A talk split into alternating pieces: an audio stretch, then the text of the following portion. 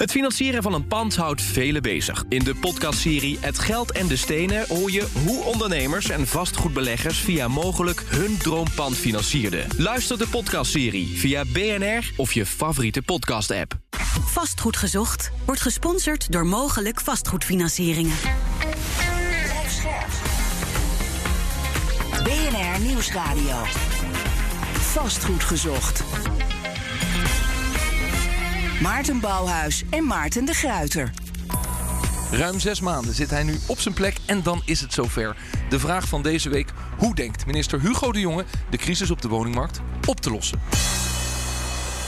Dit is Vastgoed Gezocht, jouw wekelijkse update over de wereld van de stenen. Je hoort ons natuurlijk elke maandagavond om 7 uur op BNR en natuurlijk altijd online via bnr.nl en je eigen podcastplayer.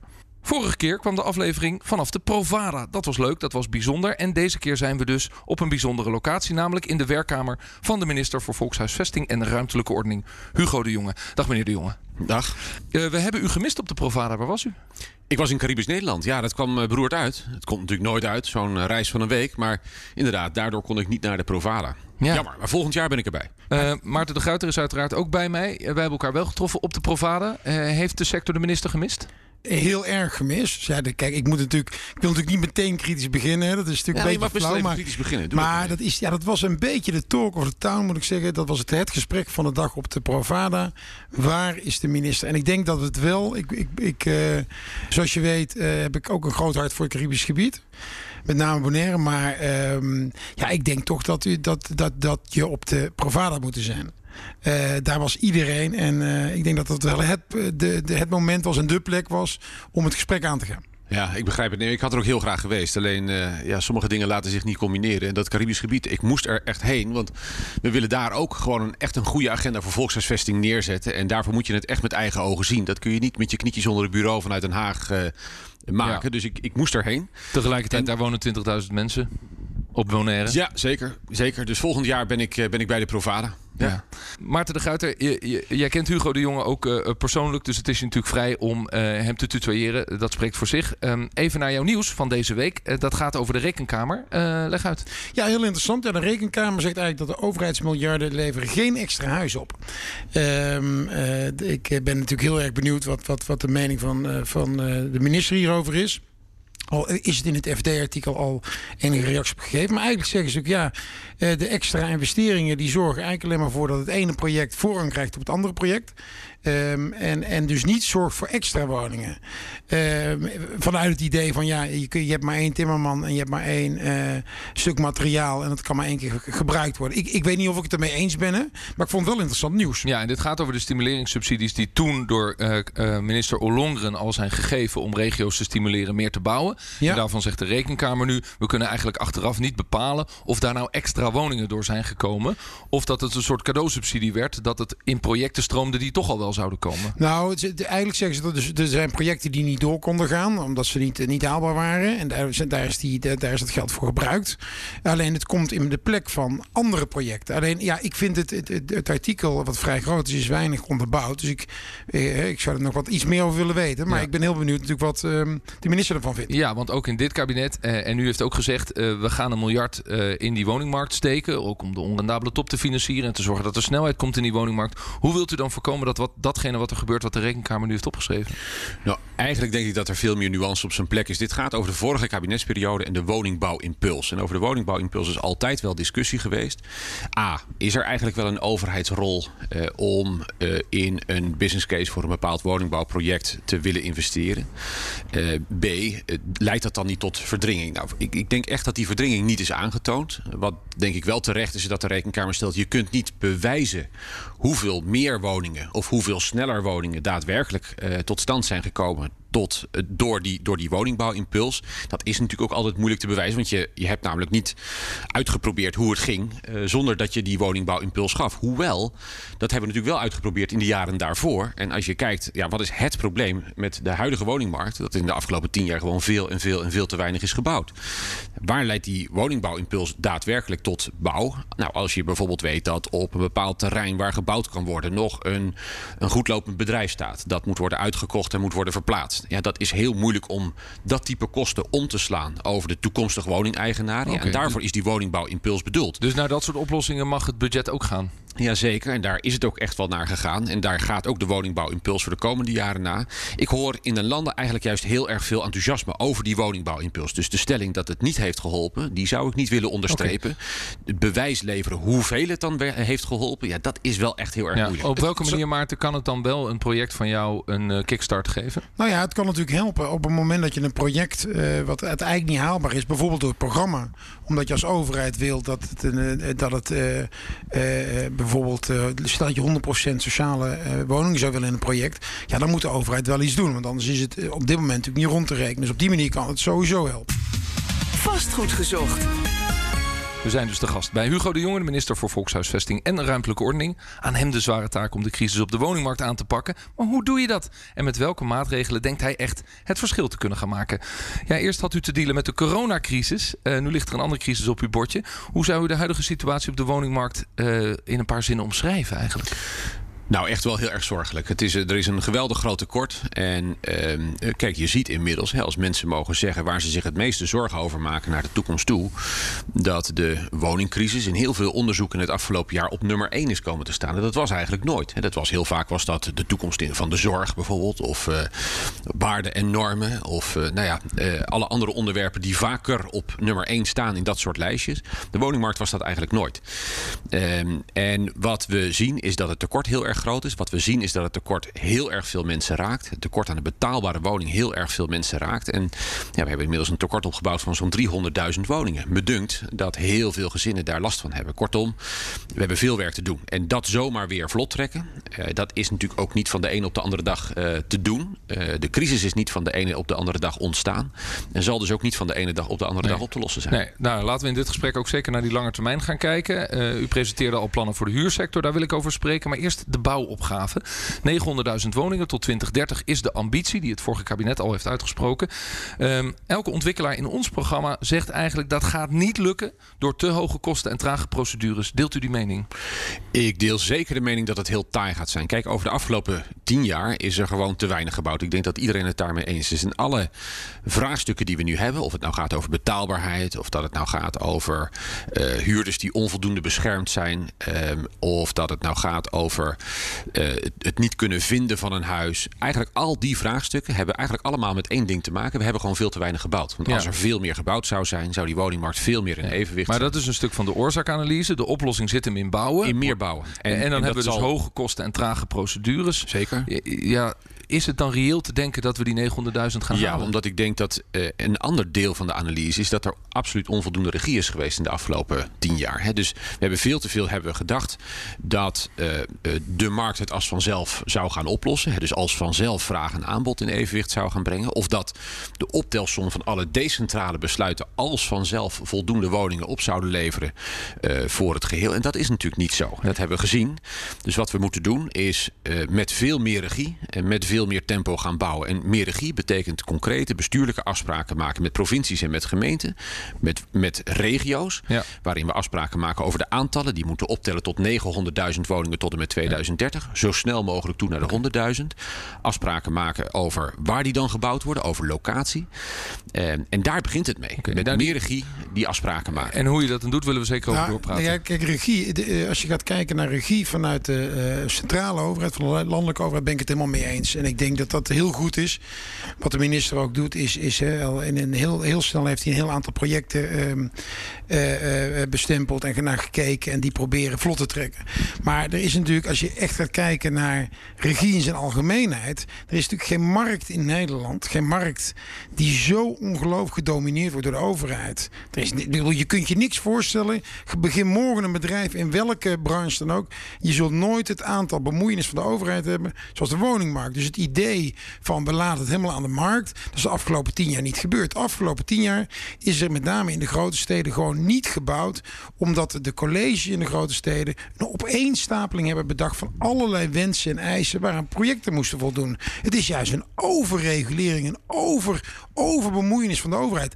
Niet van de landelijke. Dus wat er nu gebeurt, eh, bemoeien, vanuit landelijk ermee bemoeien. om eigenlijk de, de lokaal te overroelen en zeggen: jongens, we gaan nu gewoon door. Dat vind ik heel goed. Maar ik vind het Een van verkeerd. die- maar ik vind het verkeerd. Ik wil toch nog even afmaken mijn zin. Ik vind het verkeerd om te suggereren dat ik eh, opereer in een branche die niet gereguleerd is. We zijn extreem gereguleerd. Nou, dat, ik denk dat dat eh, slechts ten dele het geval is. Eh, allereerst, kijk, gaat het over de, de goede overheidsbemoeienis. Er is eigenlijk vanuit Rijkszijde de afgelopen tien jaar geen bemoeienis geweest met de aantallen die gebouwd moesten worden. Want dat was vooral een lokale afweging. Eh, en, en, en dat zou als vanzelf zou de optelsom van al die lokale afwegingen als vanzelf al een daadwerkelijk antwoord zijn op. Dat is niet gebleken. We zitten niet voor niks met een tekort van 300.000 woningen. Dus dat is één. Een tweede voorbeeld waar, vind, waar ik vind dat de regulering te zeer afwezig is, zeker gegeven de schaarste, is bijvoorbeeld de hele middenhuur. Er is eigenlijk veel te weinig regulering juist van de middenhuur. Een derde is, eh, een deel van de gemeente doet daadwerkelijk aan voldoende planning ten aanzien van de betaalbaarheidstypologieën die men gebouwd wil hebben. Dus zegt zoveel sociaal en zoveel midden en zo. Maar goed, toch nog echt wel onvoldoende. Eh, want we zien dat eh, er een enorm verschil zit tussen de grote steden en de omliggende gemeenten. in welke percentages betaalbaar men bouwt. Met als optelsom dat minder dan de helft van de woningen op dit moment die worden opgeleverd. en eigenlijk in de afgelopen jaren zijn opgeleverd. betaalbaar zijn voor gewone mensen. En daar, daar zit iets in dat veel verder gaat dan eh, woningen alleen. Maar- Nou, misschien maar toch, ik- ik- la- laten we daar dan even- op Maar ik, inzoomen. wil, sorry, ik, ik weet dat Maarten? Maarten wil voorkomen dat het een discussie gaat. Het dat programma mag, dat mag. Maar als, juist discussie kijkt, van als, maken. ik, als ik in Amsterdam de afgelopen jaren moet bouwen, dan moet ik 80% gereguleerd bouwen. 80% sociale management. En dat is tot 1,8 keer modaal. Dus we kunnen niet, veronder, we kunnen niet zeggen dat, ik- dat, dat wij niet al lang bezig zijn met betaalbare woningen te bouwen. 1,8 keer modaal. In, eh, in jouw plannen staat ook, we gaan moeten in ieder project moet 27% sociaal zijn. Eén op de drie woningen in Nederland is al sociaal. Het Nibud heeft berekend dat maar 15% van de huishoudens een sociale woning nodig heeft. Dan zijn we dus eigenlijk aan het bijbouwen in een segment waarvan we gewoon weten dat er te veel van is. Dan moeten we het, dan moeten we eerst, dan moeten we het, moeten we het, het, het, het, proces verbeteren. Moeten, moeten we niet nog meer bij gaan bouwen? Nou, wat we zeggen is 900.000 woningen, twee derde daarvan betaalbaar. 40% middenhuur en bijna 30% sociaal. Of middenhuur en, en koop. Goedkope koop of betaalbare koop. Want dat is allemaal niet zo heel goedkoop hoor. We hebben daar namelijk een grens voor 350.000 euro. Dat is natuurlijk niet goedkoop. Dat is wat je met twee middeninkomens kunt betalen. Punt is nou juist dat we op dit moment in de situatie zitten... dat minder dan de helft van de woningen die zijn opgeleverd in de afgelopen jaren... betaalbaar zijn voor gewone mensen. En dat raakt aan de bestaanszekerheid. Als gewone mensen met een gewoon inkomen eh, hard werken, maar toch geen huis kunnen kopen, dan hebben we echt met elkaar een heel groot probleem. Je noemde Amsterdam. Amsterdam heeft met name op het middensegment een heel erg groot probleem. Een, een, een, een agent of een leraar of een verpleegkundige kan in Amsterdam gewoon geen huis meer kopen. Nou, en je ziet dat de andere grote steden vrij hard die kant op gaan. Nou, en dat moeten we echt zien te keren met elkaar. Dus Maar- de opdracht voor de grote steden is met name veel meer middensegment bijbouwen. En de opdracht voor de omliggende gemeente is hun been bijtrekken, toewerken naar die 30% sociaal, zodat ze daarmee ook, ja, dat we daarmee een als ik dan, als ik toch, als ik dan toch mag vragen. U, u- u zegt eigenlijk als minister, we willen regie voeren. Ja. En Maarten legt hier een analyse neer van de opbouw van onze woningvoorraad. En zegt eigenlijk, ehm, ja, moet je wel die eh, goedkopere woningen en die middenwoningen bouwen? Of zou je misschien een andere keuze kunnen maken, omdat er al zoveel voorraad van betaalbare woningen is, waardoor een doorstroming op gang zou kunnen komen? Dat zou kunnen. Eh, ver- vereist niet de rol van de regie van, de, van het kabinet dat je een goede analyse maakt van hoe ziet die hele woningvoorraad eruit? Dat hebben we gedaan en we hebben uit die analyse, en die hebben we gemaakt samen met het ministerie van Economische Zaken, samen met ehm eh, Edes bijvoorbeeld, eh, hebben we gekeken naar hoeveel sociale woningen zijn er nodig van die 900.000. We zijn uitgekomen bij 250.000 en dat is een bruto getal, want er wordt natuurlijk ook gewoon gesloopt. Als woningen aan het einde van hun levensduur zijn, er worden ook woningen verkocht. Dus die 250.000 betreft nieuw te bouwen woningen. Punt is, waar komen ze? Nou, met name in die gemeenten die op dit moment veel te weinig sociale woningen hebben. Waar bouwen we de meeste van? Van middeldure woningen. Hè, dus middenhuur en ook het middeldure segment eh, van de woningen. Juist om de doorstroom op gang te krijgen. Dus ik denk dat we helemaal niet zo heel ver uit elkaar liggen. Behalve dan op het punt dat er eigenlijk niet zo heel erg veel sociale woningbouw meer nodig zou zijn. Ik denk dat dat wel het geval is. En dat heeft alles te maken met de lengte van de wachtlijst op dit moment. We zien dat er zo ongelooflijk veel aandachtsgroepen zijn aangewezen op een sociale woning. eh, Die heel erg eh, met, met heel veel moeite nu een, een- een plekje Ja. kunnen vinden. Dus ze zullen Ja. het allebei moeten doen. Maarten? Ja, nee, maar dat kan kloppen. Dat ik ook niet. Maar eh, het feit blijft dat het het berekend heeft dat 15% van de huishoudens het nodig hebben. Dus het systeem klopt niet. Er zijn al 30%. 15% hebben het nodig. En we gaan dus niet het systeem aanpassen. Al doen dat, hè. we gaan het een beetje doen. Mensen moeten meer gaan betalen als ze in een sociale woning Maar we zouden natuurlijk het systeem rigoureus moeten aanpassen. Eh, aan, moeten pakken. In plaats van weer 27% bijbouwen in een segment waar we eigenlijk al te veel van hebben. Formeel technisch gezien. Ja, ik denk dat dat laatste gewoon niet het geval is. Als ik kijk hoe lang de wachtlijsten zijn voor een sociale huurwoning. Ja, maar, ja, maar dus het, het, het systeem klopt niet. Maar de, de cijfers, het Nibud, ik bedoel, de, de, ja, ik verzin ze niet. Het Nibud heeft het berekend. Er zit notabene een SP'er aan het hoofd. Die zal, het niet, die zal, het, die zal ze eerder de, andere kant ik ga, op. Ik ga hier geen cijfers van het Nibud ter discussie stellen. Ik, ik kijk alleen naar de wachtlijsten in de grote steden. Uh, op een sociale huurwoning. Die zijn allemachtig lang. Er zijn heel veel aandachtsgroepen die zijn aangewezen op sociale huurwoning. En als je die allemaal een plek geeft, dan kom je als, als je niet tot een van die maar, aandachtsgroepen maar even, even advocaat, überhaupt van de duivel, advocaat van de duivel. Stel nou dat je zou zeggen, dat klopt dus. Hè, maar daar zit dus ook een heel groot doorstromingsprincipe in. Zeker. Nou, dus eh, die mensen die willen er ook uit. Stel nou dat je gewoon 100% vrije sector zou bouwen, dan krijg je gewoon verhuisbeweging. Nee, dat is wat we de afgelopen periode hebben gezien, dat er veel te veel vrije sector is gebouwd. Ja, ik, ik moet 80% gereguleerd. Ja, maar je hebt het alleen over Amsterdam. Amsterdam is niet de rest van de wereld, weten we. Uh, dat denken ze in Amsterdam overigens uh, wel eens anders over, maar dat is echt zo. Uh, als ik gewoon kijk naar de, de woningen zoals ze zijn opgeleverd in, in de afgelopen 10 jaar, is 55% is daar niet betaalbaar voor gewone mensen. Dus laten we nog niet doen alsof we zo vreselijk veel betaalbaar hebben gebouwd in de afgelopen periode. Dat hebben we juist veel te weinig gedaan. Maar is het en daarom zeg ik 40%. mensen die die woningen gekocht hebben, een woning achterlaten die wel betaalbaar is voor gewone mensen? Uh, eigenlijk niet, dat helaas. Die, dat heet dan wooncarrière. Nee, want door die schaarste zijn alle prijzen natuurlijk op een geweldige manier gestegen. Ja. En zijn er heel erg veel woningen eigenlijk gewoon niet meer bereikbaar voor als je een normaal salaris hebt. En zeker in de grote steden is dat het geval. Dus waar ik zeg dat we de komende tijd 900.000 woningen moeten bouwen, heb ik het echt over twee derde daarvan 600.000 betaalbaar, 350 in het middensegment, 250 in het sociale segment. En als we daarin slagen, ja, dan heb je een woningmarkt die veel meer in evenwicht is in de aantallen. Zo'n 2% woningtekort. Je moet altijd iets van marktspanning hebben natuurlijk, want anders kachelen de prijzen in elkaar. Dat is ook niet goed. Dus zo'n 2%, dan brengen we het woningtekort terug naar 2%. Dat is bijna een halvering van het, van het woningtekort. Ik denk dat dat echt nodig is. Het hoofdaccent zit op middeninkomens, want daar is het grootste gebrek aan op dit moment. Betaalbare woningen voor middeninkomens. Zodat je ook doorstroming op gang brengt. En wel degelijk een aanvulling ook van de sociale sector. Dat, is, nou, dat is de koers. Laten we naar twee aspecten gaan kijken die daarvan belang zijn. Namelijk ten eerste de beleggers en ten tweede de huurplannen. Eerst eventjes naar de beleggers toe. Uh, als het over de woningnood gaat, dan hoor je ook in Politiek Den Haag veel geluiden. Die zijn gericht tegen de beleggers. Alsof het soms de boemannen zijn. Een paar weken geleden spraken wij met Victor van Bommel in onze uitzending. Hij is vastgoedbelegger. Hij belegt uh, steeds vaker over de grens. En daar zegt hij het volgende over.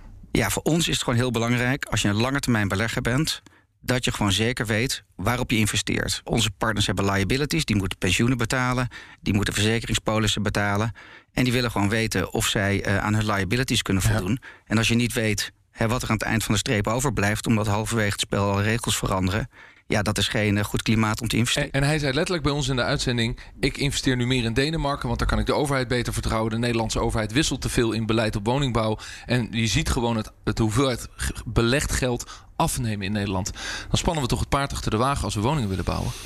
Als dat daadwerkelijk zo zou zijn, ja. En ik, ik snap ook wel dat uh, investeerders zeggen, beleggers zeggen. Uh, dat er met veel te weinig nuance uh, en ook met te weinig waardering wordt gesproken over uh, beleggen in Nederland. Want laten we even kijken naar bijvoorbeeld die hele eh, sector van de middenhuur. Ik denk dat iedereen het eens is dat er meer middenhuur zou moeten komen. Die middenhuur die wordt in zijn volledigheid gebouwd door met name de pensioenfondsen en de particuliere belegger. En met name pensioenfondsen hebben heel erg veel geld in te zetten natuurlijk. En die kun je ook echt niet missen in de bouw van de middenhuur. Dus bijvoorbeeld bij de regulering van de middenhuur daar is mijn koers. Ik wil die middenhuur reguleren. En dat betekent dus uh, ja, binden aan een puntenstelsel. Maar wel op zo'n manier dat er voor, voor, pensioenfondsen nog rendement te halen is. Want als er geen rendement meer te halen is, ja, dan zal men niet meer gaan investeren in die middenhuur. En dan worden ze gewoon niet meer gebouwd. Hè. Of, je zult, of je zult als overheid uh, al het investeringsvolume op tafel moeten leggen. Dat kan natuurlijk ook niet. Kortom, we zullen met meer nuance inderdaad over beleggende partijen moeten spreken. En wat ik ook begrijp is veel meer zekerheid bieden over de langere termijn. Nou, dat doen wij in ieder geval door helder te articuleren wat we gebouwd willen willen hebben en voor wie. Dat helpt, denk ik. Uh, daar uh, niet op wisselen, maar daar juist hele strakke afspraken over maken met, uh, met mede-overheden. Twee, door zelf ook fors bij te dragen. We hadden het eerder over de woningbouwimpuls, die helpt, denk ik. Maar ook de investeringen in infrastructuur helpen. 7,5 miljard investeringen in infrastructuur om daarmee juist woningbouwprojecten mede mogelijk te maken. Ook dat helpt. En duidelijk zijn in de richting van, van investeerders wat je wilt. Ik geloof dat dat helpt. U luistert naar Vastgoed Gezocht. We zijn te gast op de werkkamer van woonminister Hugo de Jonge. En we praten uiteraard met hem. Maarten de Guiter is er ook bij. Maarten, die middenhuur, uh, daarvan zegt de minister... we doen dat gebalanceerd. We zorgen dat beleggers en investeerders... toch een goede business case kunnen ronddraaien... als we wel een regulering leggen op de huur... tussen de 1000 en de 1250 euro. Zie jij dat in de praktijk ook dat het wel kan? Nou, kijk, het, is natuurlijk pas net de, deze uh, hopelijk proefballon is pas uh, recent uh, opgelaten. kijk, wat wij, ons grote, onze grote uitdaging als ontwikkelaar, en dan praat ik puur als ontwikkelaar, is ehm, dat wij enorme moeite hebben met de kostenkant eigenlijk in, in, in bedwang te houden. dus op dit moment zie je dat wij, maar ook al onze concurrenten, enorm veel moeite hebben om de projecten überhaupt te realiseren. Omdat die kosten zo enorm uit de pan zijn gerezen. Aan de andere kant, op het moment dat je dan aan de opbrengstenkant eigenlijk gaat reguleren, of eh, door regulering de opbrengstenkant gaat drukken, ja, dan zul je natuurlijk zien dat dat, dat, dat bouwinfarct versneld wordt. Want we kregen het eigenlijk al niet rond. Ja, op het moment dat de opbrengsten omlaag gaan, ja, dan, dan wordt het natuurlijk een, een, een, onmogelijk om het nog rond te krijgen. En dat is nu de, eigenlijk de grote angst van, als ik het heb over de ontwikkelaar. Ja, dat is dus een beetje koffiedekkerken, eh, minister De Jonge. Uh, het kan zijn dat je aan het einde van het jaar erachter komt dat er toch behoorlijk wat projecten in het slop zijn geraakt als gevolg van deze maatregel. Wat doet u dan? Nou, wat we doen op dit moment is, voordat we die regulering van de middenhuur daadwerkelijk in een wet omzetten, samen met de institutionele beleggers, met open boeken, gewoon kijken hoe dat uitkomt en hoe dat past en hoe dat rondrekent. Want dat we moeten reguleren, dat leidt voor mij geen twijfel. Uh, we hebben gezien dat juist bij een gebrek aan regulering in combinatie met die absurde schaarste, met name in dat middenhuursegment, uh, echt de hoofdprijs is gevraagd. En natuurlijk ook weer heel wisselend, hè, want de ene uh, institutionele belegger is natuurlijk de andere niet. Alleen er is wel gewoon echt een te hoge huurprijs gevraagd, omdat de aanvangsprijzen niet waren gereguleerd. Dus we zullen die aanvangsprijzen wel moeten reguleren. Alleen wel op zo'n manier dat het nog, nog profijtelijk blijft om te gaan bouwen. Want als, als pensioenfondsen niet renderen, hebben ook heel veel gewone mensen daar last van. Dus pensioenfondsen moeten renderen. Dus de investeringen die pensioenfondsen doen, kunnen alleen maar worden gedaan als ze renderen. En daarvoor doen we nu in een viertal steden botsproeven. Met open boeken, eh, met eh, IVBN, dus de Club van de Institutionele Beleggers, om te kijken eh, hoe moet je dat nou vormgeven op een manier dat het uitkomt. Ik snap natuurlijk het belang van de belegger. En het belang van de belegger is soms echt een, een individueel belang hè, van de belegger zelf. Nou, daar wens ik de belegger dan sterkte mee. Maar ook een gezamenlijk belang uh, voor ons allemaal. Uh, want als de belegger niet meer wenst te investeren in nieuwbouwwoningen, hebben we daar met elkaar een probleem mee. Ja. Dus, uh, dus daarom is het ook wat dit betreft gewoon samen optrekken. Maar wel op een manier dat we gaan reguleren. Want als je gaat kijken naar de belegger, dat is natuurlijk het groot, overgrote gedeelte is natuurlijk gewoon institutioneel geld. Hè? Want er wordt altijd Zeker. geframed alsof dat uh, allemaal huismelkers zijn. Dus ik, dat is, dit, het overgrote gedeelte is gewoon institutioneel. Dat is ook zo. En, en je ziet natuurlijk ook dat de uitwassen met name uh, aan, aan, aan, aan die huisjesmelkerskant zitten. Hè? En, en, en die uitwassen kun je ook echt niet alleen maar op deze manier aanpakken. Ik denk wel dat we mensen in dat middensegment, zeker zolang die schaarste duurt, wel meer moeten beschermen dan we de afgelopen jaren. Wij gaan, de bots, wij gaan de botsproeven in de gaten houden. En die, daar kunnen we dus voor het einde van het jaar ook uh, ja. duidelijkheid in verwachten. Ja, ik wil heel graag tot slot met u praten over de langetermijnvisie. We spraken eerder met Wouter Veldhuis, Rijksadviseur voor de leefomgeving. En zijn stelling is: het heeft in dit land de afgelopen 20 jaar ontbroken aan een visie op volkshuisvesting. Laten we even luisteren. Er is geen visie geweest de afgelopen 10, 15 jaar. Dus als we het hebben over een visie, dan moeten we het hebben over 2050, misschien wel 2100. Om echt goed te snappen wat we nodig hebben op lange termijn. Onvoldoende visie dus. En hij stelt, we hebben een nieuw plan nodig voor de woningmarkt. En denk eens richting 2050. Dat is iets anders dan alleen maar het plan richting 2030. Als je kijkt naar de demografie, dan heb je al best wel een goed inzicht in een groot deel van die verandering die Nederland ga, ondergaat tot 2050. Ontwikkelt u een visie voor een lange, lange termijn woningmarkt? Ja, absoluut. Dat is precies waar we mee bezig zijn. Eigenlijk zou je kunnen zeggen, deze kabinetsperiode, eh, gegeven de opdracht van het regeerakkoord, is volkshuisvesting terug van weg geweest. Ruimtelijke ordening trouwens ook. Want aan beide hebben we veel te weinig aan rijkszijde gedaan in de afgelopen periode. Wat zijn dan de basispijlers van die lange termijnvisie? Allereerst is dat bouwen voor de demografie. Een van de punten, ik bedoel, je werkt je in in zo'n nieuwe periode. Een van de punten waar ik me geweldig over verbaasd heb, is dat de demografie eigenlijk zo weinig een rol speelt daar waar het gaat over volkshuisvesting en ruimtelijke ordening. We zullen gaan groeien in de komende periode. Er is overigens echt een grens aan, aan, aan de groei die je aan zou kunnen in Nederland. We zijn natuurlijk toch een heel erg klein land. Alleen die die groei die is op geen enkele manier doorvertaald in de aantallen voor de komende periode. Dat doen we nu eigenlijk voor het eerst door te zeggen: tot en met 2030 hebben we gewoon 900.000 woningen nodig. Om daarmee de groei te vertalen uh, die we nodig hebben. En, en, demografie is meer dan groei alleen. Uh, dat is namelijk naast groei is het ook vergrijzing. En ook die zul je uh, moeten meerekenen als het gaat over de planning van het aantal woningen. Maar dus als je dat die, is wat we voor als je die concretiseert, dan hebben we nu uh, 800.000 80-plussers in Nederland.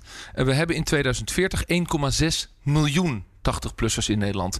Nou, de zorgvraag uh, die dat betekent, dat, dat wist u in uw vorige baan vrij goed. Uh, uh, maar dat heeft ook een enorme woningbouwimplicatie. Um, dat betekent dat je nu al moet nadenken en dus ook mogelijk zou kunnen bouwen voor een groep mensen die een heel ander type woonwens heeft. Exact. Dus dat is precies wat we gaan doen in die afspraken die we gaan maken per 1 oktober met iedere provincie. En aan het einde van het jaar eh, met iedere woonregio gaat het dus echt over de aantallen. Gaat het over betaalbaarheid, maar gaat het ook over doelgroepen. Dus het aantal nul-treden woningen, het aantal hofjes, et cetera. Dat gaat allemaal alleen maar gebouwd worden als er ook locatie is. En locaties gaan we uh, uh, vaststellen met elkaar, zodat er ook voldoende locaties zijn. Want woningbouwplannen en afspraken maken zonder locatie is vragen om vertraging. Dus je zult de locaties er ook bij moeten leveren. En dat, dat vergt ook, ook duw- en trekwerk in de richting van de provincies. En, en dat is een tweede deel waarvan ik vind dat er veel meer, met veel meer visie naar gekeken moet worden. Dat is, we kunnen niet met z'n allen op een kluitje in de Randstad blijven wonen. Dus als je alleen maar de woonbehoeften van de mensen articuleert zoals als ze er nu wonen, dan zul je zien dat heel veel mensen in Amsterdam willen wonen, heel veel mensen in Rotterdam willen wonen. Dat zal allemaal best. Maar we zullen ook naar het oosten en naar ja, het noorden dus moeten onderdeel kijken. van de visie is ook naar de grotere gebieden Veel van Nederland beter spreiden. kijken en spreiden. Veel beter spreiden. Dus wat ik eigenlijk hoop in de afspraken die ik ga maken per 1 oktober, ik ga daarop sturen, is dat we in het oosten en in het noorden eigenlijk meer bouwen dan de demografische behoefte nu, uh, nu vertelt. Ja. Meer bouwen om daarmee uh, toch ook ja, de steven te gaan wenden richting het oosten en het noorden. Dat heeft ook een andere achtergrond. En dat is een derde onderdeel, vind ik, van de visie op volkshuisvesting in combinatie met ruimtelijke ordening. Uh, namelijk, we zullen ook veel klimaatadaptiever moeten bouwen. We, we, weten dat we in Nederland natuurlijk voor een belangrijk deel onder NAP wonen, met heel erg veel mensen. maar als je nu bouwt in een gebied die gevoelig is voor overstroming of voor extreem weer, ja, dan ben je eigenlijk daarmee de schaderekening aan het opbouwen voor de volgende generatie. Dus ook om die reden zullen we de steven moeten ja. wenden naar het oosten en naar het noorden. Maarten, er wordt gewerkt aan een lange termijnvisie. Dat is toch prettig voor de belegger en de ontwikkelaar? Nou, dat is heel prettig. Ik denk dat met name landelijk er weinig visie is geweest inderdaad de afgelopen tien jaar. Dus ik ben heel blij dat deze minister de regie naar zich toetrekt. Uh, uh, het is veel te veel overgelaten aan de gemeentes. Die kunnen dat helemaal niet aan. En, uh, maar waar ik me juist zorgen over maak, is juist de, die, die bouwen voor de juiste demografie.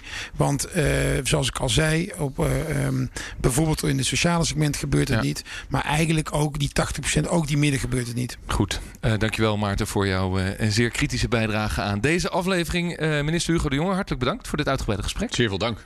Volgende week zijn we er weer. Uh, John en Lotte nemen het dan van ons over, Maarten. zij gaan in gesprek met Schiphol Real Estate. Dus dat wordt een hele mooie uitzending. Bedankt voor het luisteren. Dag. Vastgoed gezocht wordt gesponsord door mogelijk vastgoedfinancieringen.